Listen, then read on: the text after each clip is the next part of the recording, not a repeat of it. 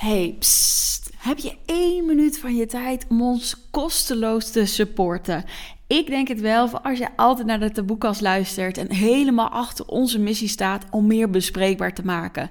Oké, let op. Je kunt gewoon blijven luisteren en dit is wat je doet. Je opent je show notes, je gaat naar de YouTube-link en je klikt even op abonneren. That's it. Zo kun je ons kosteloos supporten, ons naar de 1k abonnees helpen en kunnen wij nog veel meer mensen bereiken. Dankjewel en nog heel veel luisterplezier. Mwah. Hij loog, ik loog. Zij manipuleerde, ik manipuleerde nog beter. Weet je, uh, zou je wel agressief doen? Ik doe nog agressief. nou ja, als we hadden gekeken toen de tijd eerlijk naar de relatie die we hadden, hadden ze 100% gezegd, nou die twee, ze allebei zijn ze narcisten. Die zijn niet goed. Heel veel mannen natuurlijk niet beseffen wat één, wat kwetsbaarheid is. En daar dus een heel erg een stigma op zit. Want ja, we moeten stoer zijn, we moeten overleven. En Lieve luisteraar, lieve taboedoorbreker, welkom bij een volgende taboekast. En voor de mensen die op YouTube kijken, ja, een andere ruimte. Ik bedoelde, de zelfpromotie is lekker meegenomen. uh, tegenover mij uh, Quincy, welkom. Dankjewel. Super tof uh, nou ja, dat we bij elkaar in de podcast mogen. Ja. En ik vraag altijd eerst even, wil je jezelf voorstellen? Um, ja, nou ja, ik ben Quincy Schilproort en uh, nou ja, wat je zelf net al benoemde, is dat je bij mij in de podcast bent geweest. Er zit ook in de rebuild ruimte. Ja. Uh, daar verspreid ik zoveel mogelijk bewustzijn in. Uh, dus we hebben gesprekken over trauma, pijnstukken. Lala. Eigenlijk gaat het allemaal erom om mensen te helpen naar de weg van geluk en liefde. En, um, dus dat is, wat, dat is één wat ik doe. Tweede is uh, samen met mijn uh, vriendin hebben we Conscious Creators. Daar begeleiden we en relaties en individuen om weer open te staan voor relaties. En daarnaast ben ik directeur van een bedrijf. En eigenlijk, ja, uh, wie ben ik zelf? Uh, ik ben inmiddels 41 jaar uh, ontwikkelend, de weg gevonden naar liefde en geluk. En mm-hmm. ja, dus ik mag zeggen dat ik een, een fijn leven leid vandaag de dag. Dus ja, dus dat. Vandaag de dag. Dus misschien niet altijd zo geweest. Dat is niet altijd zo geweest. Het is uh, met vallen en opstaan, uh, ook bij mij is dat proces uh, ontwikkeld naar, zeg maar. Ja, en daar komen we natuurlijk denk ik nog wel uitgebreid op in deze podcast. Hè? De reden dat wij samen gaan podcasten of het thema wat wij hebben gevonden is natuurlijk een stukje kwetsbaarheid en ons man. Mm. Dus daar gaan we straks wat meer over hebben. Maar ik begin altijd eerst met uh, wat oppervlakkige vragen. Zo, ik verspreek me weer eens. uh, voordat we de diepte ingaan. Ja. Dus ik ga je gewoon eventjes... Uh, ja, nou ja, oppervlakkig. Ik ga je gewoon eens even een andere vraag stellen dan per se in het thema. Hmm. Ik moet nog even zoeken. deel een gênant moment uit je leven. Nou, die is leuk. Kom maar door. Gênante momenten in mijn leven. Oh, wat zijn de meest gênante momenten geweest in mijn leven? Nou, ik denk uh, dat het voornamelijk te maken heeft gehad met bepaald gedrag wat ik vertoonde. Verslavingsgedrag vond ik heel erg gênant. Uh, nadenken, wat vond ik nog meer heel erg gênant. Ik vond het ook, uh, als ik terugkijk naar heel vroeger, vond ik het ook bijvoorbeeld heel moeilijk om intimiteit voor de eerste keer aan te gaan. Dat was ook best wel gênant. En en wat was er dan gênant in dat... Uh, in de intimiteit, zou maar zeggen? Ja, dan moet je jezelf blootgeven. Wat moet je doen? Wat, uh, weet je wel, hoe ga je opstellen? Daar was ik heel erg onzeker in. En ja, ja dat is best wel een heel, uh, ja, een, een lastig ontwikkelingsmoment is dat geweest. Dat uh, kan ik me nog wel herinneren, ja. Ja. ja. En los van alle diepe processen, een keer dat je ergens in je blote reet stond of zo, weet je wel. Gewoon echt dat je denkt, dat je, dat je weet wel dat je mensen ziet kijken en dat je denkt, oh, wat ben ik aan het doen of zo. Ja, precies. Ik zit er, er zit er echt over na te denken. Ja, het is een moeilijke vraag, stel ik, hè? Ja, sommige mensen die maken dat gewoon 300.000 keer mee in hun, in hun leven. Maar ik denk dat ik dat heel weinig heb meegemaakt. Dat ik zoiets heb gehad van, oh jeetje, wat ben ik nu aan het doen? Ik ben nu mhm. betrapt of zo ergens op of iets. Ja. ja. Ik denk dat ik weinig heb meegemaakt. Oh. En anders uh, hoor het nog wel in het gesprek dan, als hij toch nog voorbij komt. Zeker. Um, wat is je favoriete bezigheid? Mijn favoriete bezigheid? Ik denk dat dat, um, nou ja, buiten het feit omdat dat mijn relatie mijn favoriete bezigheid is, is het denk ik ook uh, met mijn zoon. Uh, ben ik heel, dat is natuurlijk mijn favo. En Uh, daarnaast het persoonlijk ontwikkelen, het podcasten, dus ja, het sporten. Ik heb eigenlijk best wel veel op mijn rijtje van favoriete bezigheden. Dus ja, alles wat mij gelukkig maakt. Ja, ja mooi. Ja. Fijn. Nou, we gaan daar zo wel meer over hebben. Ook denk ik met je relatie. En uh, hè, ik zei het al, ik vind het super tof dat je hier zit. En waarom? Uh, omdat voor mij ben je echt een man. Weet je wel, een stoer vent, een beetje met die tato's, heerlijk. En uh, wat ik zo tof vind om dus met jou ook het thema uh, te bespreken over kwetsbaarheid en ook als man. Uh, omdat ik net ook aan tafel zei toen we even het eten waren van ja, ik kan hier een spirituele tegenover me zetten en dan denkt iedereen, daar gaan we weer. Ja. Dus dat vind ik heel tof. Maar misschien is dat niet altijd zo geweest. Dus wil je mij eens meenemen naar hoe jij misschien was en dat je dat minder had? Ja. Wat misschien heel lang ook is geweest. Ja, en ik denk ook dat uh, als we kijken dat heel veel mannen natuurlijk niet beseffen wat één, wat kwetsbaarheid is. En uh, ja, daar dus een heel erg een stigma op zit. Want ja, we moeten stoer zijn, we moeten overleven. En dan hebben we het dus over, kunnen we teruggaan naar uh, waar ik vandaan kom. Dat is een jeugd die, die, die, mijn kindertijd was best wel gewelddadig thuis. En mhm. waardoor ik voor mezelf uh, kopingsmechanismes ben gaan uh, aanleren om te kunnen overleven. Dus ik voelde heel veel en sommige gebeurtenissen besef ik nu ook dat ze uh, harder en dieper binnen zijn gekomen omdat ik ook een heel gevoelig kind was. en waardoor ik heel veel ben gaan opslaan, heel veel ben gaan opkroppen. En daardoor dacht ik dat ik anders was dan anderen, maar werd ik ook gespiegeld, zeg maar. Dus ik werd ook uh, gepest op een gegeven moment op school, omdat ik me anders ging gedragen, vonden mensen mij ja, raar, anders. Dus ik werd daarop uh, op gepest. En daardoor ben ik voor mezelf ben ik een ego gaan ontwikkelen. Ik ben gaan kijken van oké, okay, welk masker werkt er voor mij? Hoe wil ik gezien worden? Ik wil ook leuk, leuk gevonden worden als kind, weet je wel. Dus ik werd bijvoorbeeld een clown op een gegeven moment. Dus en hoe oud was je toen? Even voor mijn beeld. Ja, ik denk was dat... Was het echt basisschool? Ja, dat was nog op de basisschool. Heb ik, ja. uh, heb ik dat proces echt bewandeld. Weet je, dat ik ook echt al gepest werd rond een, een jaartje of tien was ik toen. En toen ben ik echt gaan kijken van ja, wat kan ik anders doen om wel gezien te worden en wel uh, leuk gevonden te worden. Maar ook hoe kan ik overleven zonder dat mensen vragen gaan stellen over wat er door mij heen gaat. Want ik werd ook naar school toegestuurd met de opdracht van ja, zeg er maar niks over. Weet je wel, dus... Je bedoelt wat er thuis gebeurde? Ja. Ja. Dus ik mocht er ook niet open zijn van, uh, vanaf mijn moeder dan.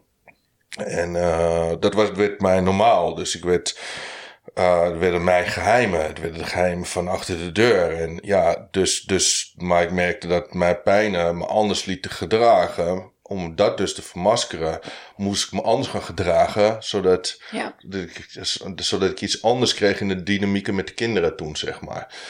Ik vind het wel mooi dat je zegt, omdat uh, dit hoor ik heel vaak van mensen die dan uh, ook gepest zijn. En dat je dan op een gegeven moment denkt, oh, ik moet dus anders aan gaan pakken. En dat je dan bijvoorbeeld de clown gaat uithangen. Je hebt dat ook heel vaak gezien voor de, in, de, in de klas. Ja, ja.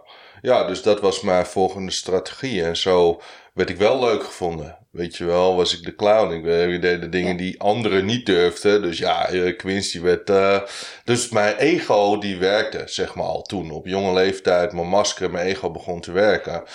En zo ben ik um, mezelf eigenlijk meer gaan ontwikkelen in het stuk van buiten mezelf. Hè? Want, want dat, die, die, die, dat ego, dat werkte. Dus ook als ik. Um, ik werd bijvoorbeeld, op een gegeven moment werd ik ook best wel geraakt. En ik wilde, wilde ook mooie meiden aantrekken, weet je wel, op uh, 15 of 16e. En daar werd ik afgewezen door een, uh, door een, door een, een, een, een, meisje die ik toen de tijd heel erg aantrekkelijk vond. En toen had ik zoiets van: oké, toen keek ik weer van ja, maar met wat voor type jongen gaat ze dan wel? En dan was het een type jongen die heel stoer was. En uh, weet je wel, en dan dacht ik, oké, als dat dus werkt, dan moet ik zo zijn om te kunnen krijgen wat ik wil, zeg maar. Waar ik behoeftig naar ben. Dus toen ging mijn ego weer een stukje meer mijn loopje met me nemen. Dus toen werd ik de, de clown die ook nog eens stoer en groot en sterk zou zijn. Dus dat werd mijn volgende laag van mijn ego.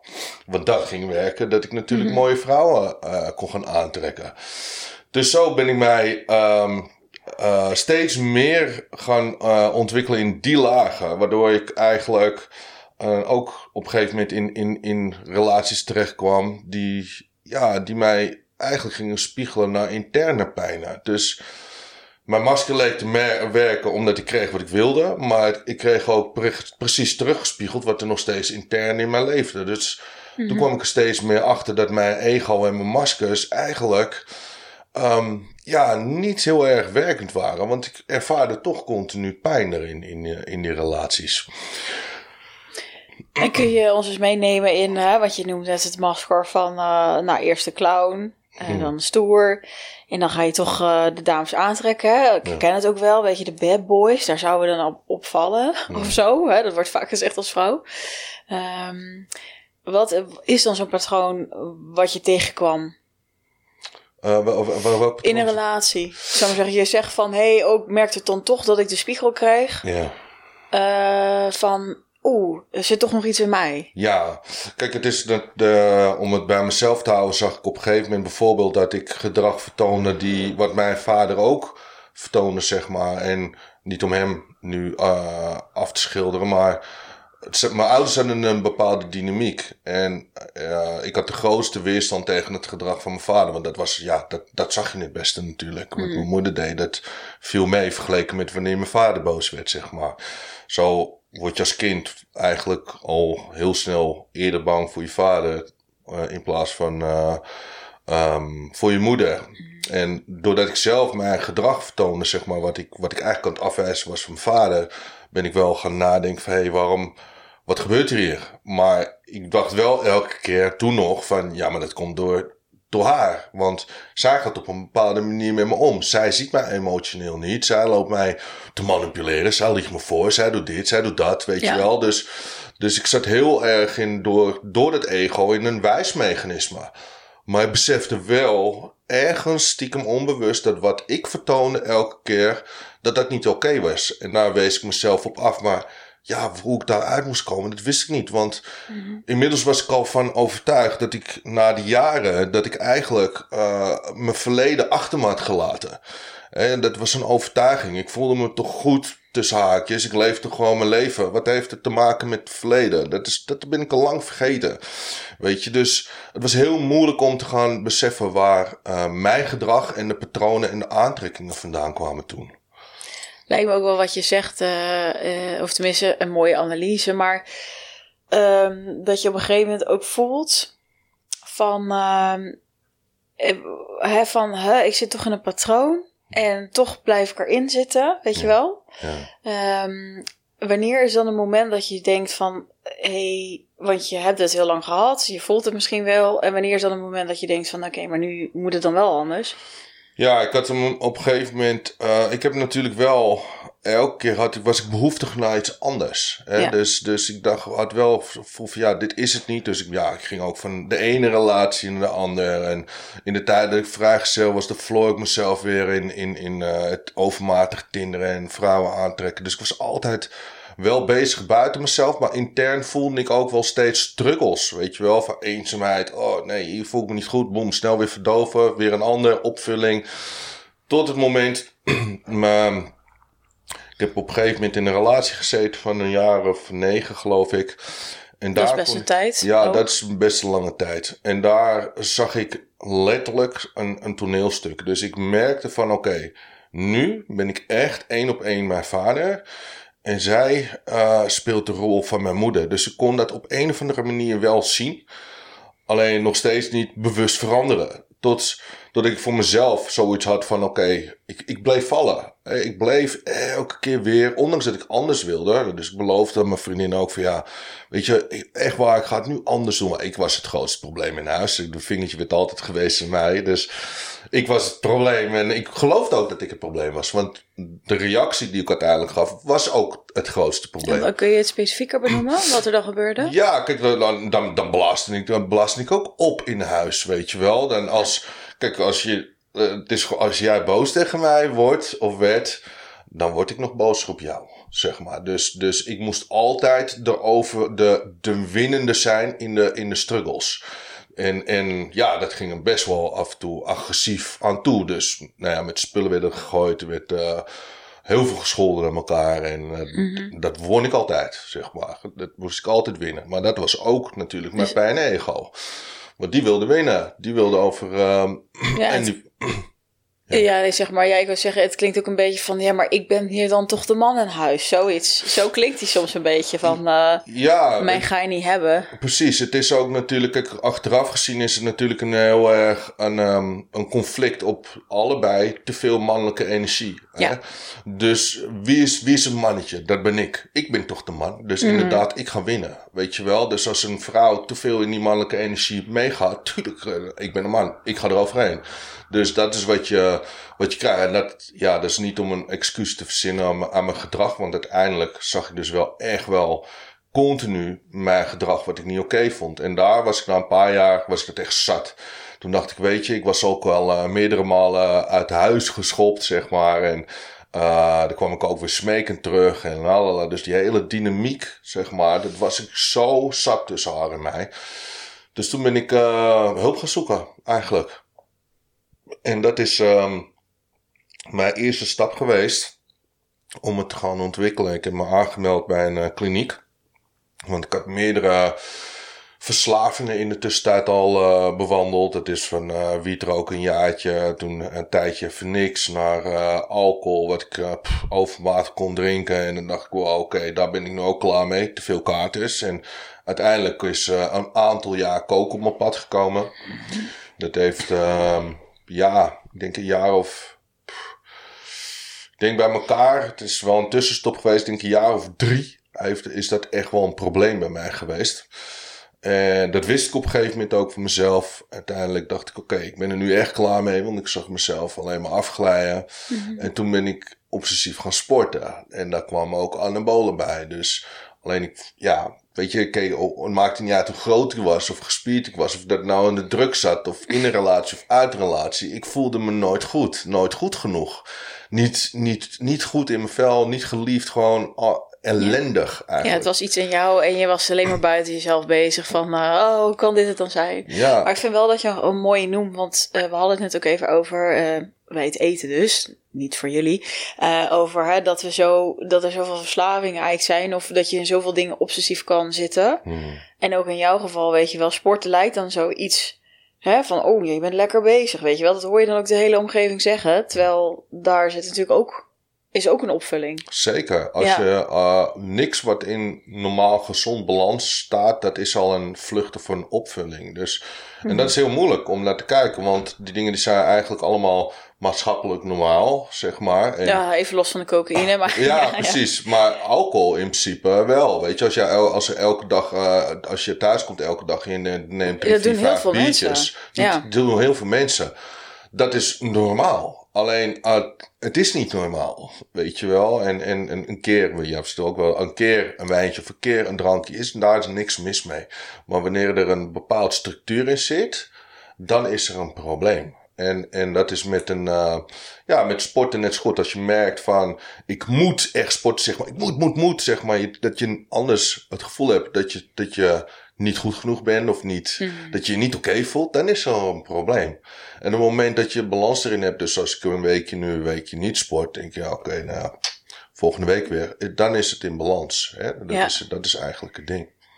Ja, dat is herkenbaar. Ja, we hadden het over. En toen zei ik ook van dat sporten. En ook eh, dat je denkt van ik moet zes keer in de week. En eh, je bent ook eigenlijk helemaal niet meer bezig met wat is nou echt gezond voor jou of zo, weet je wel. Het is gewoon, eh, je moet, omdat het, het is een soort obsessie. Het is, het, of tenminste bij mij voelde, ik weet niet hoe het bij jou was. Het voelde voor mij altijd zo'n drang van, ik moet nu naar die sportschool, weet je wel. Want ik moet mijn goals halen, zoiets. Ja, zeker. Het was Ja. en dat en ook, ik was continu het stuk aan, aan het zoeken van ik voel me niet goed genoeg. En, Mhm. en buiten mezelf. Dus op mijn lichaam was ik aan het zoeken om mezelf goed genoeg te voelen. Ja. En dat heeft ook wel weer te maken gehad dat ik in mijn jeugd gepest was op een stukje uiterlijk. Want ik was eh, best wel mager en daar pakten ze me dan op. En, dus dat wilde ik niet meer. Ik wilde die grote, stoere, stoere Mhm. man zijn. Maar ja, dat interne gevoel, dat, dat raakte ik niet kwijt. Maar dat dacht ik wel we- kwijt te raken. En er kwam natuurlijk de winst bij vanuit mijn ego dat erop leek dat ik daardoor uh, honderden vrouwen aantrok, zeg maar. Uh, ik hoefde alleen maar zo te doen. En uh, heb ze stond in mijn, in mijn beleving. Hè? Ze stond alweer op de knietjes. in mijn beleving, laat ik dat nee. even vooropstellen. Hey, en je noemde net ook van, nou, ik zie dat inderdaad als probleem, of dat met alcohol. vind je dat? Hebben wij, in, hebben wij een samenleving met, waar we dus, nou ja, waar we dus waar we veel problemen hebben? Ja, 100%. Ik, kijk, ik ben blij dat ik duidelijk kon zien dat ik een probleem had. En ik zie gewoon dat, dat een heel groot deel van de maatschappij een probleem heeft. En wat zie jij dan? Nou ja, goed, dan kunnen we het hebben over een stuk alcohol. Dat, heel, dat is eigenlijk is dat uh, de grootste harddrugs die, die continu blijft bestaan. brengt de grootste problemen, de meeste doden vallen ervan. Maar het is iets wat mag blijven bestaan. En dat verdooft je bewustzijn. Het verdooft je persoonlijke ontwikkeling. Het, het houdt je in een bepaalde laag, waardoor je niet dieper naar jezelf kan kijken. Dus dat vind ik echt een heel groot probleem. En dan hebben we natuurlijk, wij worden uh, eigenlijk geprogrammeerd in een leven. Uh, met een structuur. En een structuur, het structuur is dat uh, we gaan werken, we komen thuis, we koken, we kijken voor Netflix, we gaan naar bed. Eens in de zoveel tijd hebben we een keer intimiteit met de partner, maar we kopen een huis, een auto, een boompje, beestje en boem, dat zit. Alleen dat hele patroon, dat, dat, dat bedoel ik wel, het is, dus patroon.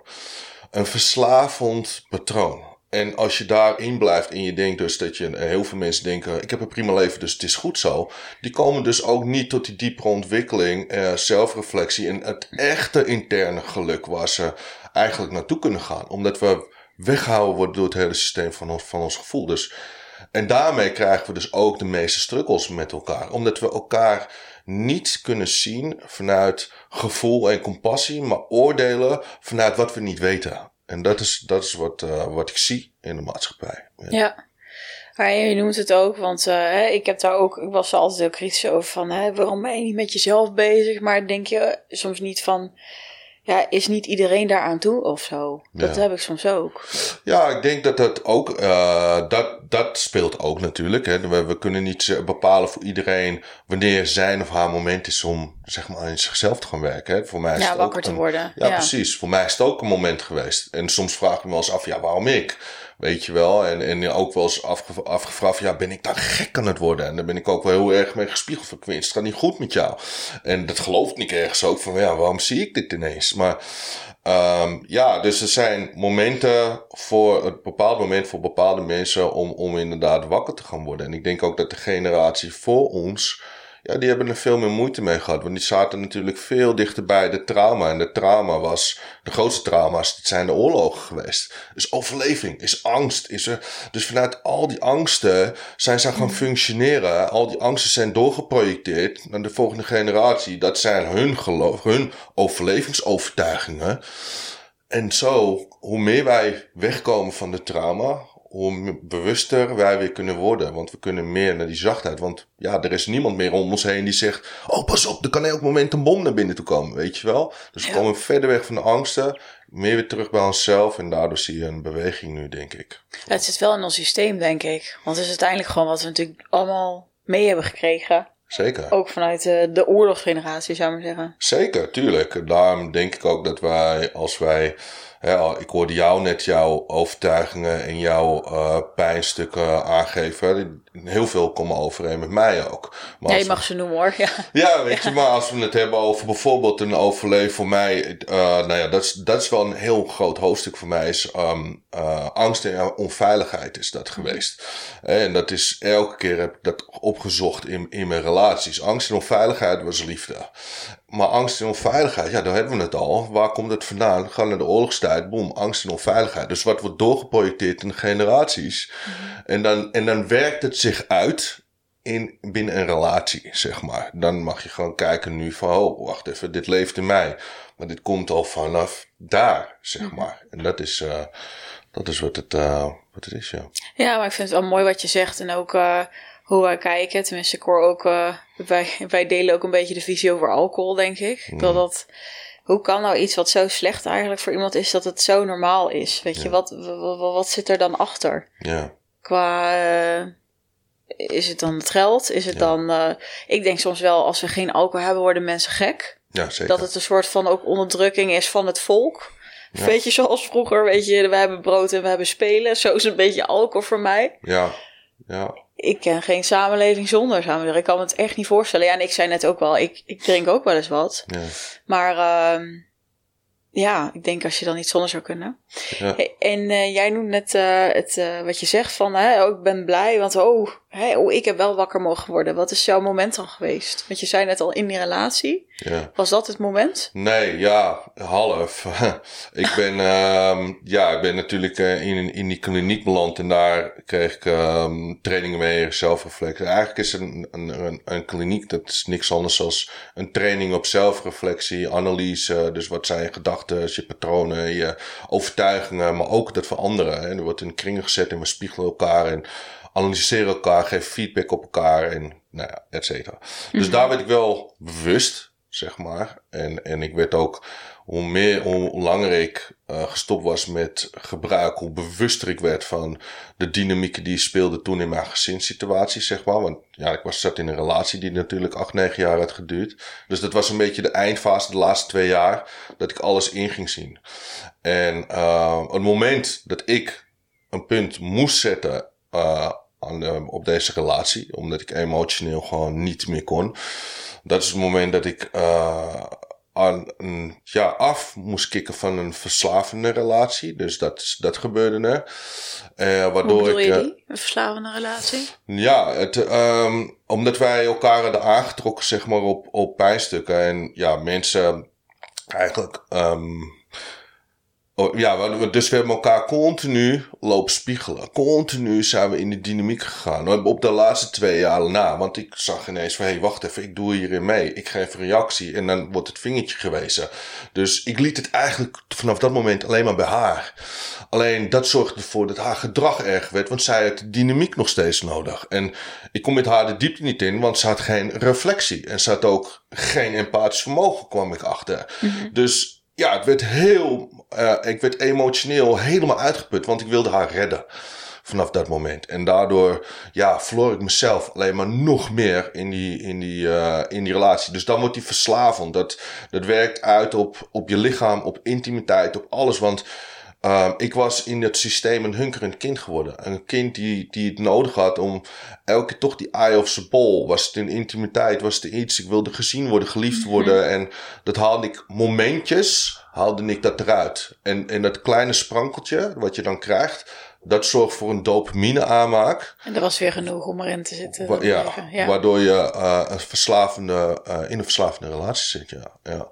ja. Ja, verslaafd ook uh, richting alle tweede kanten natuurlijk. En ik Tuurlijk. vind het ook mooi wat jij zegt. En ik denk dat dat ook vaak gebeurt in een relatie. Als één iemand anders verandert, wil die ander eigenlijk weer die ander terugtrekken. Terug, Want ja. hé, hey, we hadden toch dat bepaalde patroon. Ja. En heb je dat van jezelf vaker gemerkt dan in een, uh, in een relatie? Dat jij zo zeggen op de plek ging staan. Hé, hey, kom je wel redden of ik kom please of, of fixen, een soort van? Nou ja, dat heb ik in de laatste ook nog uh, heel eventjes gehad. Maar uh, gelukkig was ik toen wel bewuster, zeg maar. En daarvoor heb ik dat volgens mij niet gehad. Dat moet ik maar zij, van dit was natuurlijk zo een mega trauma bonding dat zij voelde als de, als de liefde van mijn leven, weet je wel. Dus ja, ik wilde haar redden. Natuurlijk wilde ik haar redden, want ik dacht dat ik mijn leven lang met haar zou zijn. Dat was mijn overtuiging. Dus ja, vandaar dat dat, dat, dat systeem ergens aanging, maar ook omdat ik zelf bang was voor wat er zou komen als ik weg zou gaan. Want dan moest ik echt gaan kijken naar wat er speelt in mij. Dus het redden van een ander houdt mij weer bezig met, met een ander. ander. Ja. En dat was natuurlijk mijn volgende kopingsmechanisme. Ja. Ik wil zeggen, ja, want dat zie ik ook veel in de coaching. Dat je, er zijn zoveel mensen die hier... Hey, psst, heb je één minuut van je tijd om ons kosteloos te supporten? Ik denk het wel, voor als je altijd naar de taboekast luistert en helemaal achter onze missie staat om meer bespreekbaar te maken. Oké, okay, let op. Je kunt gewoon blijven luisteren en dit is wat je doet. Je opent je show notes, je gaat naar de YouTube-link en je klikt even op abonneren. That's it. Zo kun je ons kosteloos supporten, ons naar de 1k abonnees helpen en kunnen wij nog veel meer mensen bereiken. Dankjewel en nog heel veel luisterplezier. Mwah. Liever met de ander bezig zijn en dat is ook weer, dan hoef ik niet naar mezelf. Ja, dat, ja. Is, dat is het ook. Ja. En dat maakt het natuurlijk ook uh, en verslaafd, maar ook zo uh, je gaat zo erg in die verlatingsangst zitten, omdat het ja, een grip is buiten jezelf. Het is daar. En je hoeft dan ja, niet die hele diepe, pijnlijke stukken van jezelf uh, aan te gaan. Ja. ja. Hey, en wat je beschrijft, sommige mensen zouden dan zeggen red flags en toxic. En Hmm. hoe kijk jij daarna? Zou je dat zo noemen? Uh, om mijn relatie? De relatie inderdaad die je had, of het, het patroon waar je dan in zit, zou, Ja. je, dat, zou je dat zo noemen? Ja, kijk, onze relatie die was wel toxic. Dat zeker. Wat, wat, wat betekent dat dan voor jou? Um, Want in principe, als ik jou zo hoor, is jullie spiegelen elkaar precies de pijnen. ja, klopt. En dan zou eigenlijk bijna alles toxic worden. Want ik heb nu ook een hele fijne relatie, maar ik word nog steeds gespiegeld in mijn pijnen. Klopt, maar er gaat wat anders mee omgegaan. Het, is, Ja. het wordt toxic op het moment dat je dus niet geen, ver- allebei, want dat is het mooie, want hè, die stempels die zeggen, ja, die mensen kunnen geen verantwoording nemen. Je neemt allebei geen verantwoording voor je eigen pijnen en stukken, voor je eigen gedachten en emoties. Je legt het bij de ander neer. En dus die dynamieken, dus mijn relatie, ja, die was toxisch daardoor. Hè? En als we kijken naar een bewuste visie ernaar, dan weet ik van ja, weet je, het, ik had hier wat uit te spelen. Ik had hier wat van te leren. Wij moesten op Ja. elkaars pad komen, zodat we allebei hier doorheen mochten gaan werken. Alleen in dit geval is het er maar één, dat ben ik. Jij hebt het gedaan, ja. Ik heb het gered, alleen ja, de ander niet. Dus. ehm, Gered ook echt. Ja, het klinkt zo sneu. Nou ja, goed, dat, Eh, laat ik zo zeggen. over. Ik, ik, Nee. ja, ik, ben, ik ben uit mijn eigen pijnpatroon gestapt, zeg maar. Door Ja, nee, ik snap wat je zegt. Ja, En zij zit waarschijnlijk nu weer in dezelfde... ja, nee, maar dat is toch... Dan hebben we weer een nieuwe relatie en dan hebben we weer precies hetzelfde. je krijgt continu hetzelfde. Continu. Het is, Als je het niet heelt of als je niet met jezelf inderdaad gaat kijken, dan krijg je dat weer. Ja, Ja. en het is natuurlijk heel. Kijk, het zijn, er zijn gebeuren twee dingen. Eén, ehm, ja, die rotzak, die is die rotzak. Die heeft bepaald gedrag 100%. Ik heb ook bepaald rotzakgedrag gehad, 100%. Alleen de dingen die we beleven, dat is niet helemaal reëel. Dus daar wil ik mee zeggen dat. Eh, als zij bijvoorbeeld, eh, ik neem een stom voorbeeld. Ze pakt mijn glas weg en, en ik had eigenlijk nog trek in mijn drinken. Word ik geraakt? Ja, ik word, wat doe je met me? Dus ik ga af, want ik heb het gevoel dat zij me afwijst en weet ik veel wat. Allerlei. Terwijl nu wordt mijn glas afgepakt en die, en die wordt weggenomen. Dan denk ik, oh nou ja, ze heeft het niet gezien. Omdat ik hem niet op mijn pijnen laat binnenkomen. Dus, mijn, dus die belevingen die je hebt met dat soort mensen, die zijn niet helemaal 100% realistisch. Dat is een beleving die gecreëerd is op onze eigen innerlijke pijnen, zeg maar.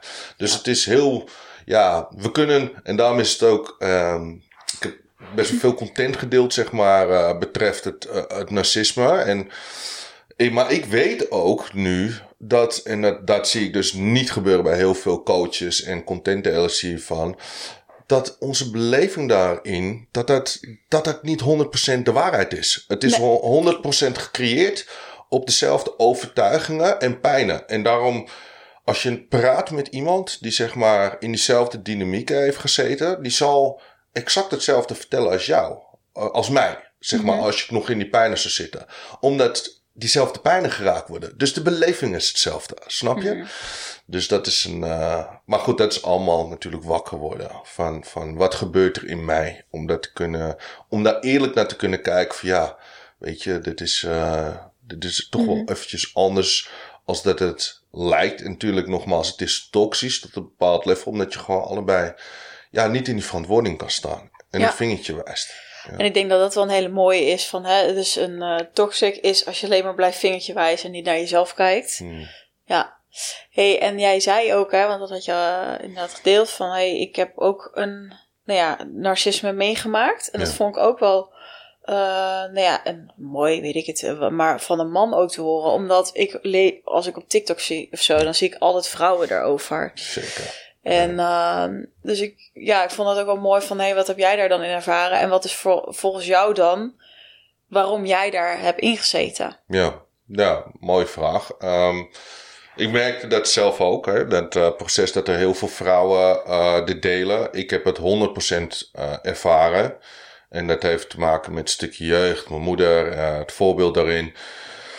Ehm, Je bent eigenlijk met je moeder geweest voor een tijdje. wat ben ik? Je bent eigenlijk met je moeder geweest, Ik- eh, een ja, soort heb- van met een tijdje. Ja, dat heb- doen we toch? We heb- zoeken onze ouders ik heb ergens. elke keer mijn moeder opgezocht. Ja. Dat, is, dat is eigenlijk het ding. Maar ik had zo'n loyaliteitsconflict dat ik niet kon zien Uh, wat, nou ja, ik wil niet zeggen wat mijn moeder verkeerd heeft gedaan, maar welke pijnen en mechanismes en gedragingen zij eigenlijk vertanden, zeg maar. Dus mijn vader is de boeman, loyaliteitsconflicten, mijn moeder. En alleen, ik kwam wel ergens op mijn 17 heb ik wel grote ruzie met gehad. Dat ik merkte dat ze gewoon pathologisch aan het liegen was. Dus er waren wel signalen, alleen het kwam niet binnen, omdat gevoelsmatig zat ik gewoon in een conflict. Ik denk dat veel kinderen dat ook hebben. Zeker. Met ouders. Zeker. En nou helemaal naar je moeder. Weet je, dat hoort de veiligste bron te zijn van, uh, ja, van liefde. Van, van, ja, van dat vooral. En dat, uh, als, dat als je dat niet ervaart, dan blijft er toch een kern in jou dat toch nog steeds willen, zeg maar. En daar komt dus het hunkerende kind vandaan. Hè? Als je mm. een, een, moeder hebt, of vooral een moeder die emotioneel niet bereikbaar is en in dat soort mechanismes leeft om je elke keer te duwen, trekken, duwen, trekken en af te wijzen, noem maar op, niet te zien, ja, dan word je, word je een kind die, die die gaat hunkeren en die niet weet wat liefde is eigenlijk. Ja, heel herkenbaar. Ja. ja. Ja, dus dat heeft mij uiteindelijk ook uh, natuurlijk de aantrekkingen gegeven met, uh, met dat soort partners. Hey, dat durf ik op 100% zekerheid te zeggen dat dat het is. Uh, Niettemin werd ik gespiegeld. Je krijgt nooit en helemaal niet als je. Ik ben. Uh, ik heb tien jaar lang heb ik dit soort relaties ervaren. Dat gebeurt niet als je zelf geen narcistische delen in je hebt. Dus ik had zelf ook echt wel mijn stukken. Hè. Als ik terugkijk naar het toxische van waar we het net over hadden, zaten echt wel toxische stukken in. Zij loog, ik loog. Zij manipuleerde, ik manipuleerde nog beter. Weet je, uh, oh, je wil agressief doen. Ik doe nog agressief naar jou. Dus, dus ja, dan, dan is de mate, als we, als we hadden gekeken toen de tijd eerlijk naar de relatie die we hadden, hadden ze 100% gezegd, nou die twee, ze allebei zijn ze narcisten. Die zijn niet goed. dus, ja. Dus, dus ja, ik had ook geen empathisch vermogen naar haar. Ik had geen compassie. Dat had ik helemaal niet. Waarom niet? Dat had ik zelf niet. Ik kon, mezelf niet vinden in die diepere lagen. Dus ja, dan kan ik wel een vingertje wijzen naar haar. Ja, ze was niet empathisch. Ze heeft, neemt geen verantwoording. Dit, dat. Maar alles zat in mij. Ik wees mezelf af. Ik zag mezelf niet in liefde en in mhm. compassie. Natuurlijk zie ik die ander dan niet zo.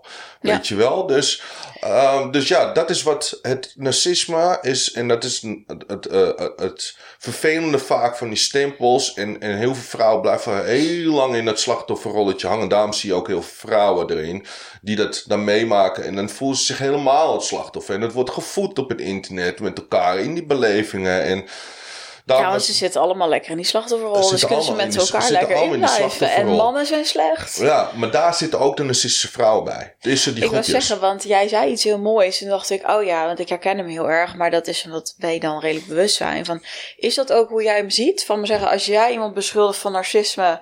dan heb jij sowieso ook een taboestuk of een schaduwkant... dat je nog niet hebt gezien. Het is met egoïstisch, met arrogant, met weet ik het wat. 100 procent. Ja. Iedereen die blijft horen over die narcist. En ook, ook, ook al is het gemaskerd content, wat dan ook. Hebben allemaal nog niet 100% in de spiegel gekeken. Hebben allemaal donkere stukken mhm. die ze nog niet aankijken. Zitten allemaal nog stukken in slachtofferrol en overtuiging. Mhm. En dat is niet erg, hè? laten we dat even vooropstellen. Want kijk, sommige stukken, het, is, het gaat om niet het afwijzen van je stukken, maar het accepteren van je stukken.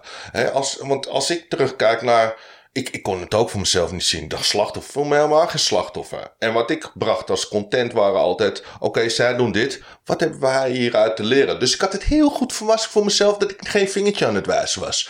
Maar dat, dat was mijn volgende overlevingssysteem. Ja, spirit of bypassen, ja. Juist. Ja. Dus, dus um, uh, uiteindelijk, en natuurlijk mag ik het accepteren voor mezelf dat ik mij deel slachtoffer voel. Ik heb shit meegemaakt vanaf thuis waar ik zeker wel het slachtoffer van ben geworden. Mm. dus als je voor jezelf gaat beseffen van, oh wow, wat ik mee heb gemaakt is echt zwaar, is echt pijnlijk geweest. Het is echt verdrietig eigenlijk dat de kind daar doorheen heeft moeten gaan. Gevoelsmatig. Of dat de beleving nou hmm. vreselijk is of niet, zeg maar. Als je gevoelsmatig dingen hebt meegemaakt, dan mag je daarna, daarin voelen dat je het slachtoffer hebt gevoeld op dat soort momenten. Ja. Dus als je dat doet, dan accepteer je het voor jezelf. En dan hoef je dus niet meer te vingertje wijzen naar die ander. Dan kom je uit je rol. Want je hebt compassie voor je eigen stuk. En dan kan je ook die ander anders gaan bekijken. Want hè, het, het, ook narcisten, en dat is gewoon de heel eerlijke spiegel, zitten in, in, de, in dezelfde pijnen, dezelfde overtuigingen, dezelfde alles wat in ons leeft, leeft in hun.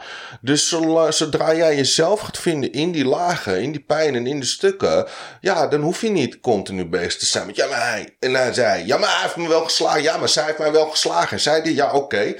Maar waarom ben jij erin blijven zitten? Laten we daar het eens even over hebben. Laten we daar nou eens echt eerlijk naar gaan kijken. Mhm. en daar heb ik ook moeite mee gehad. Want voor mij was het ook, ja, hè, dan ging ze weer lovebommen, dan ging ze weer dit, ging ze dat. Ja, dat, dat wordt je allemaal wijsgemaakt. Lekker, lekker verhaaltje. Zo voelde het ook. Oh ja, luister ze me er weer in. Is dat echt zo? Mhm. Of haalde ik, daar een, behaalde ik een winst daaruit? Haalde ik iets eruit wat voor mij intern goed voelde, tussen haakjes, weet je? En dan, als je daar eerlijk naar gaat kijken, ja, dan ga je dingen echt veranderen voor jezelf. Ja, maar die die je noemt, die is natuurlijk hartstikke spannend, denk ik ook. Hmm. Het is natuurlijk veel makkelijker, vind je wijze, want hè, laten we eerlijk zijn, we hebben ook niet voor niets die maskers die jij ook benoemde en dat een vingertje wijzen, want het is vol soms van, oeh, moet ik nou echt naar dit stuk? En dat zeg jij ook, van dat heb jij ook meegemaakt, van oeh. En dat je ook zegt van, hé, hey, ik wil eigenlijk nog aan een relatie houden, want anders ben ik echt alleen, dan moet ik daar naartoe. Ja, ja, ja, ja, want daar kwamen natuurlijk en die vluchtgedraging die ik van mezelf toen al had gezien, overmatig titteren, dit, daar, daar werd ik ook niet gelukkig van. Nee. Ja, dan dacht ik, oké, dan kan ik toch maar beter terug gaan naar haar. Maar als ik daar ben, dat is de verwarring. Dus in die relatie voelde ik me eenzaam, ongehoord, ongeliefd, la la, al die dingen. Maar als ik uit die relatie was, voelde ik me eenzaam, ongeliefd. En er kwam ook alles van. Dus Ja. het was super verwarrend uh, Ja. om, uh, in, het, in het systeem. Want je denkt, op het moment dat je het ervaart alleen, dat komt omdat je alleen bent. Maar tussen als je in die relatie weer terug bent, dan komen eigenlijk diezelfde gevoelens weer naar boven. Weet je Ik wel. denk dat mensen hem nu uit hebben gezet. Hij wordt nu te confronterend hoor. Eh, Daar gaan alle luisteraars. ja. Hey, en ehm, hey, je doet het ook met Bobby, dus ook echt voor in de relaties. Ik ben wel even benieuwd van, hey, wat zie je om je heen? Want je noemt het net al een beetje van, we zitten in het schamien en dan hebben we een keer hè, seks, want het moet, zou toch nog een keer moeten en zo. Ja. Ik ben heel erg benieuwd wat jij, wat, wat, wat zie je om je heen? ja, wat je voornamelijk ziet is natuurlijk heel onbewust dat mensen in eh kindstukken gaan zitten. Hè? In een overtuiging. Dus als we het hebben over bijvoorbeeld, eh, nou ja, de gemiddelde... Dan zeggen de buren? Nee. Ja, dat wakker. De gemiddelde relatie die is gebaseerd op, eh, oké, ehm, eh, ik isoleer me deels, want ik word toch niet gehoord en gezien en geliefd en dat is prima zo. Dus ze, dus ze, ze komen eh, elkaar emotioneel niet meer tegemoet, omdat dat hun, ja, hun comfort is geworden binnen de relatie. Waardoor ze allebei, ja, eigenlijk krijg je dan een, de broer- de, de. Zeg Ja, die maar. hebben heel veel mensen. Die hebben heel veel mensen. En dat kom je ontzettend veel tegen. Omdat zij gewend zijn aan het stuk dat eigenlijk vanaf huis af aan is het van... Nou, we gaan het niet te zwaar maken. Hè? De, de emoties zo moeten het vooral allemaal leuk hebben. We werken toch. We kunnen toch naar de supermarkt. We kunnen toch naar Ja, je de moet zo zeiken. en het is toch het- goed. alles we is hebben goed. een beetje alles. Juist. Maatschappelijk gezien hebben we toch alles. Precies, Ja, en daar zijn dus die relaties dan op gebaseerd. Alleen dan merken ze van op een gegeven moment, ja, maar we voelen ons eigenlijk niet gelukkig.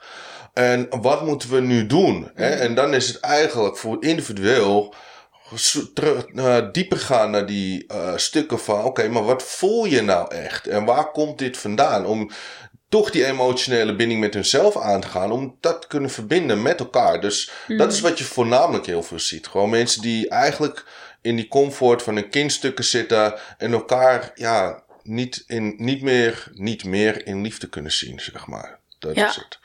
Ja, want jij zei in het begin ook iets moois. eh, maar dat ging over iets heel anders. Maar ik denk, wat je nu zegt, hè, en eigenlijk hoe normaal het is, is het zo jammer wat jij in die therapie hebt meegemaakt. Gewoon reflecteren en de ander, zou maar zeggen, zien in jezelf gaan begrijpen. Hmm. En nu ook weer deze dingen. En dan denk je toch, waarom wordt het überhaupt niet aan ons geleerd? Ja.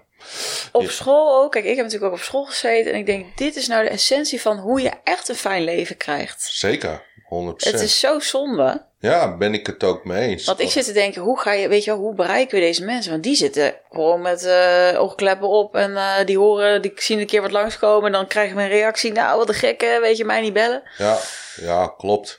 Ja, dat is het eh, meestal. Kijk, als je het mij vraagt, als je mij vraagt, is het ook iets wat ze niet willen. Wie, de maatschappij? Of, uh... dat, is, dat is als je het mij vraagt. Ja, ik denk het systeem wil sowieso mensen gewoon uh, ja, want, kijk, iedereen... slaaf, een beetje als slaaf houden. Zo. Exact. Ja. iedereen doet wat ze moeten doen voor de maatschappij. Het gaat niet om jou, het gaat niet om mij, het gaat om, om hun. Ja. Het is ook heel makkelijk. Uh, nou ja, de maatschappij, of de, de regering, zeg maar. Hè? Ja, of dus de mensen die daar nog die boven daar zitten. Boven, ja, dus precies. de van, kijk, in principe heeft een, een VVD, een partij, heeft ook helemaal gereed te zeggen. Dat denken ze totdat ze erin zitten en dan hebben ze niks meer te zeggen. Nee, dus die worden ook van bovenaf van... aangestuurd. Ja, ja, klopt. Dus dat is ook allemaal illusie, weet je. Ja. En, um, dus als je mij vraagt, wordt het zeg maar bewust zo gedaan. Hè? Omdat uh, hoe meer je gaat luisteren naar wat je zelf, wat je zelf gelukkig maakt, ja, dan ga je, dan ga je ook zien dat het systeem niet, niet zuiver is, zeg maar. Ja. En dat is niet wat ze willen. Kijk, het is ook heel simpel. Als je, als je kijkt naar, ik geloof twee jaar geleden, Mhm. Twee of drie jaar geleden is ayahuasca is op de verboden lijst gekomen. Klopt, ja. Ja. Oké, ayahuasca. Laten we het hebben over de laatste tien jaar. Zijn denk ik vijf, drie, drie, drie tot vijf doden zijn gevallen. Zoiets weet ik veel. Over de afgelopen tien jaar, zoiets. Ja, en dan zitten ook weer allerlei dingen bij waardoor Juist. dat is. Exact. Dus, Ja. de- maar dat benoemen ze niet veel. Maar er zitten inderdaad een- bij dat sommige. Er was er eentje die had eh, drugs gebruikt. De andere Ja, weet ik daarom. veel. Er Dus er is altijd wel iets bij. Er is ja, ja. iets gebeurd waardoor dit gebeurd is. Ja. Alleen dat wordt verboden gemaakt, terwijl dat zorgt voor meer bewustzijn bij mensen. Maar drank, wat elke dag, wat ze ook niet in het nieuws laten zien, elke dag voor doden zorgt. Is het de, gewoon een vergiftiging, is het een, onge, een, een verkeersongeluk, is het een gezinsdrama. Het gebeurt dagelijks. Dat blijft bestaan. Dus je, als je heel helder gaat kijken naar wat gebeurt er, dan weet je dus ook dat zij eh, bewust ervoor kiezen om ons niet bewust te maken en te leren te reflecteren in, in, in het leven. Want ook trauma's, ik bedoel, kijk eerlijk naar, ehm naar jezelf en naar mij. Ik heb heel veel bewijzingsdrang in me gehad. Hè, dat hoorde ik jou net ook zeggen. Ja, we hadden een podcast van tevoren opgenomen. Bij de Rebuilders. Bij Ja, ja. kun je daar even straks heen. En dat, dat, is, dat is op trauma gebaseerd. Hè? We willen bewijzen eigenlijk naar onze ouders. En dat hebben heel veel mensen hebben die bewijzingsdrang. Ja, dat is lekker. Wel, wie, voor wie's voordeel is dat? Als ik mij helemaal de, de, de golen Ja, de inwerk. teringenwerk, precies. Dus, dus en, dan, en dan als jij je even niet goed voelt, een depressie of wat dan ook, ah, gooi we gewoon een pilletje erin. Boem, hij is weer vlak, oké, dan kan we gaan. Maar we gaan niet naar die diepere lagen dat we bewust worden van wat er eigenlijk echt onder speelt. Zodat we wakker worden van, ja, maar wacht eventjes. Het komt omdat ik mijn gevoel continu aan het negeren ben. Maar bijna iedereen, iedereen in, in, Nederland, 90% zeker, die heeft geen baan die volledig vanuit hun gevoel komt. Dus tuurlijk krijgen die mensen allemaal, uh, allemaal problemen. Worden ze ziek, hebben ze burn-out, depressies. Dat is omdat ze niet naar dat gevoel luisteren. Maar als iedereen naar het gevoel gaat luisteren, ja, dan heb je niet al die, al die kantoormensen die de regering nodig heeft, zeg maar. Dus dat is, dat is in ieder geval wat. ja, het houdt echt in daarnaar stand. Ja, natuurlijk. nou, ik deel het helemaal. Maar ik denk als je meer bewust wordt dat, dat je sneller zo gaat kijken. En ook wat jij zegt met het pilletje erin. Hmm. De farmacy. Ja, weet je, er wordt zoveel ook aan verdiend. Dus het is, Zeker. heeft zoveel... eh, Zoveel, uh, zou maar zeggen, voordelen voor hen om het zo uh, te houden. Zeker. En wij denken allemaal, oh, en, en het erge is, we zitten in zo'n systeem dat wij ook denken, doe maar dat pilletje. Want dat is voor mij makkelijk Ja. op een gegeven moment. Ja, en dat is natuurlijk wat wij nou weer wederom, wat, wat wordt ons aangeleerd. Het is normaal Ja. als je buikpijn hebt, ga je naar de dokter. De dokter die geeft je een pilletje en dan, hè, dat is het normale. Niemand die zegt, ja, ik bedoel, als ik zelf kijk naar mijn eigen gezondheidsprobleem. Ik heb ook een hartritmestoornis gehad. Ja, he, vind het vreemd? Kijk in wat voor situaties ik zat.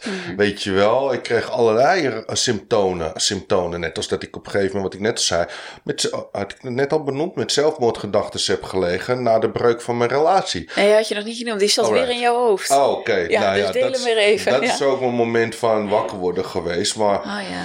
Ehm, dus, dus dat soort dingen die gebeuren met een reden, gevoelsmatige redenen, zeg maar. Dat is waarom het naar boven toe komt. Klopt. En ik denk dat dat ook wel een mooie is. Want waarom dat er was, is omdat het is, jouw situatie is echt niet oké. Je moet een ander leven gaan creëren, zou Ja. maar zeggen. En wij zien alleen maar, we moeten daar vanaf. En we kijken helemaal niet om ons heen. Hé, hey, wat is er nou eigenlijk allemaal aan de hand? Precies. Ja. Precies. Maar dat is wel wat ik zeg, want in het systeem, ik heb in het onderwijs gewerkt en ik denk dat dit erg mist. Maar ik, ik weet niet of het er ooit gaat komen. Want het- wat je zegt, je, je houdt geen sa of je houdt niet de samenleving over waar, waar gewoon iedereen een soort trechtertje. Je gaat studeren, je gaat werken, je verdient wat in het laadje en je gaat weer dood. Doei. Ja. Zo, De- zo. zo kort is het, maar zo is het ook. Ja, Eh, je krijgt het nummertje, je gaat functioneren, je gaat geld verdienen, boom. En aan het einde. Kijk, mij, ik werd daar meer bewust van, omdat ik eh jaren geleden heb ik een glazenwasbedrijf gehad. En wij, wij wasten de ramen van verzorgingstehuizen. Eh, en zelfs toen ik onbewust was, was ik bewust ervan dat wat er gebeurde na hun werkperiode, dat dat niet oké is. Dus dat zij heel depressief, eenzaam, al die gevoelens komen daar. Op een gegeven moment komt dat naar binnen. Waarom kwam het ineens bij die mensen naar binnen, ging ik me afvragen. Ja, dat is niet zo raar als jij een verslavingspatroon hebt gehad, vluchtpatroon van werken je leven lang. Doorgaan, doorgaan, doorgaan, doorgaan, doorgaan. ja. En dan is ineens het moment dat je niks hebt. Ja, wat denk je dat er met je systeem gebeurt? Ja, dan ga je geen gelukkig eh, fijn leven meer leiden in zo'n verzorgingstehuis. Dan komen alle symptomen naar boven. Want het moet ergens eruit. Dan ga je al die eenzaamheid en al die, al die gevoelens ervaren die je eigenlijk altijd hebt weggedrukt door het, het rennen voor dat, voor dat systeem. ja. En het zelf niet eens doorhebben. Ja. Ja, mooi die je aangeeft. En ook dat ik denk, ja, dat is nou echt de grootste verslaving, denk ik, werken. Ja, zeker. Ook omdat we zoveel status aan verlenen. En eh, oh, ik heb dit gestudeerd of dat. En eh, Ja, en dat is ook natuurlijk, dat is ook iets, weet je, mensen, een status en, en, en een, ja, daar hebben dan mensen ook weer een bepaald oordeel, ze hebben over mij, konden ze ook oordelen, heb ik mijn scholing afgemaakt, nee, weet je wel, maar en je zit hier toch mooi. En je leeft. En jij hebt misschien wel echt een gelukkig leven. precies. Laat ze lekker lachen, die mensen eh, die gestudeerd hebben. Dat ja. maakt het verschil. Ja. Ik ben altijd afgegaan op, ja, wat, het voelde voor mij niet goed. Een, een, schoolsysteem. Ik dacht, wat doe ik hier, joh? Ik werd helemaal vermoeid, depressief bijna, van die urenlang maar dat, dat werk inprinten en dan naar huis en dan pakken huiswerken. Moest ik ook weer uren. Ik dacht, kan dit? Hoe kan dit normaal zijn? Ik heb altijd mijn, ja, mijn vraagtekens erin gehad, weet je wel. Ja. En gaan zoeken van, ja, maar wat is er nog meer? Dit kan toch niet dit zijn? Waarom moet ik hierna, heb ik een zogenaamde vrije keuze en dan worden er toch nog keuzes voor me voorgelegd? Nou, dit is wat je kan doen. Ja, oké. En dan ging ik iets doen en dacht ik, ja, met een half jaar, ja, dit is het niet. Weet je, wat moet ik hiermee? Ja, hier word ik niet gelukkig van. En ja, maar heel veel mensen hebben wel gewoon die drive en die beginnen eraan. En dan, dan, het is één, het is verslaafd, maar op een gegeven moment ben je ook afhankelijk van het patroon. Want alles is erop gebaseerd. Je huis, je auto, je, al je rekeningen zijn gebaseerd op het patroon wat je je tot dan al hebt aangeleerd. En dan kom je er ook heel moeilijk uit. Want dan is de angst van, ja, maar wat dan? Weet je wel? ja, en dan komen dus ook, net zoals eh, als je uit die relatie stappen. En stel dat je die Juist. baan op zou zetten, dan komt dus ook alles omhoog. Juist. Precies. Dat is het. Dus, dus eigenlijk is het weer dat je voor jezelf een excuus hebt om niet uit je, uit je comfort te komen. Hè? Want eigenlijk kan iedereen kan wel naar zijn werkgever zeggen en zeggen van nou, weet je Pietje, ik heb nou vijf jaar voor je gewerkt, maar eh, ik voel hem niet zo. Zullen wij eh, wat regelen? Kan je UV heb je dan, eh, weet ik veel, anderhalf jaar lang, twee jaar lang. Heb je genoeg tijd om te gaan nadenken wat je nou echt wil? Maar ja, dat is, die stappen die durven de meeste mensen niet eens te nemen. Dat durven ze niet. Want dan komt inderdaad ineens het gevoel naar boven. Er komt ine- als jij ineens in, op stilstand gedrukt wordt. Hè, dat, heb ik, dat heb ik letterlijk ook meegemaakt. Hé, hey, dan kan je depressief gaan worden. Dat is eng. Want dan komt echt, werkelijk, echt alles op je af. Waar je niet naar wil kijken. En dat is eh, waar de meeste mensen vluchten. Ik denk dat de mensen nu ook denken, dat ga ik dus niet doen, hoe jij het zegt. Ja. Nee, maar en ik denk dat het mooie dat, dat ik dat vooral heel veel zie. Wat jij eigenlijk schetst is... Het gevaar van echt goed leven is een oké leven. En als dat voelt, oké, ik heb alles wel een beetje 6, 7. Ja. Ja, en ben ik dan echt gelukkig? Maar ja, ach, het ziet er gelukkig uit. Ja. Ja, ik denk dat dat ook wel... eh, want ik, weet je wel, zo'n... s- Nou ja, goed. We gaan straks... eh, volgende week gaan we weer over verder, denk ik. ja, we zitten al dik over de tijd. Ja, nee, maar ik denk dat het een mooie is. Want ik, ik zal er even net te denken van... Ja, dat is toch ook wel met... eh, maar dat is even helemaal off topic. Maar de zelfmoord... eh, uh, cijfers onder mannen of zo. En jij, bent, jij woont natuurlijk ook niet in België, maar die zijn ook nog veel hoger. En ik denk dat het ook weer een stukje is van, hé, hey, het lijkt allemaal goed, maar ondertussen er zoveel in zit. Tuurlijk. En jij zei ook van, ik, heb, ik, kreeg, kreeg opeens zelfmoordgedachten. En uh, hoe ben jij daar dan mee omgegaan? Ja, want ja, dat, dit, dit weet ik ook hoor, van mannen trouwens. Want uh, kijk, het is natuurlijk uh, dat heeft ook een stuk met ego te maken. Wij willen natuurlijk de providers zijn, we willen het goed doen. En als ineens een wereld voor jou, dat je die kwijtraakt, mm. letterlijk. Ja, dan kom je bijvoorbeeld net als mij bij zelfmoordgedachten. Ik verloor mijn gezin. Ik, geloof, ik verloor alles waarvoor ik aan het vechten was eigenlijk. Ik moest wel zelf een punt erachter zetten. Maar doordat ik alles kwijtraakte, ja, kwam ik met gedachten van ja, wat, wat, wat doe ik hier nog? En het was zo heftig dat ik enorm heftige hoofdpijn had. Dus ja, mijn hoofdpijn, ik kon, niet eens normaal mijn bed uit. Ik, dus ik dacht, als dit is hoe ik de rest van mijn leven moet leven, ja, dan kan ik een beter einde aan maken. Mhm. En uh, ja, dus het kwam uit, uit het verlies van alles. Weet je, het was dus de dopamine die in één keer weg was van, die, van het besef dat ik er nooit meer in terug zou komen. Het besef dat ik toen ook, uh, ja, mijn gezin achter, uh, achterliet en eigenlijk alles waarvoor ik gevochten had, dat dat, ja, dat was er niet meer. Mm.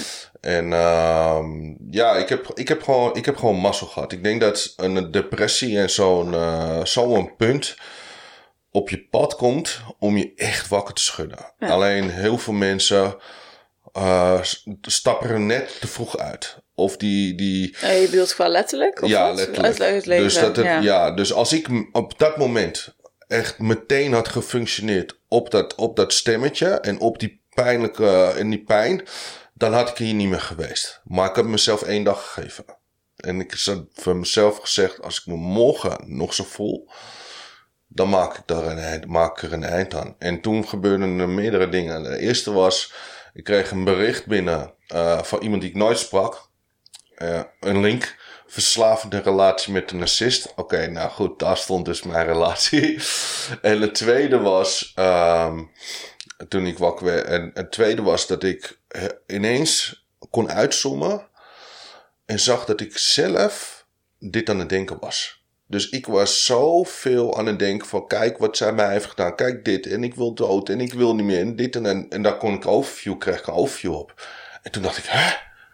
Wacht even hoor hoe kan ik nou zien wat ik aan het denken ben? Weet je wel? Ja. Wat ben ik mezelf aan het aandoen? Ja, precies. En, en zo, dus dat, dus dat denk ik dat, dat um, wat uh, dit soort depressies voor jou komen doen, eigenlijk. Ja. Om je wakker te schudden. Mooi. Mooie afsluiter voor uh, deel 1. Ja. en dan gaan wij volgende week uh, lekker verder. En dan gaan jullie uh, nog even wachten, want ik ben natuurlijk heel erg benieuwd. Hè? We hebben het al heel erg over kwetsbaarheid, je bent er open, maar hoe je nou ook echt opener bent geworden. En een van de luisteraars, luisteraarvraag, luisteraarvraag moet ik eigenlijk zeggen, gaat daarover. Dus dat is iemand die jouw hulp even nodig heeft. Dus thanks alvast voor deze week. Yes. En we zien jullie volgende week weer terug. Doei!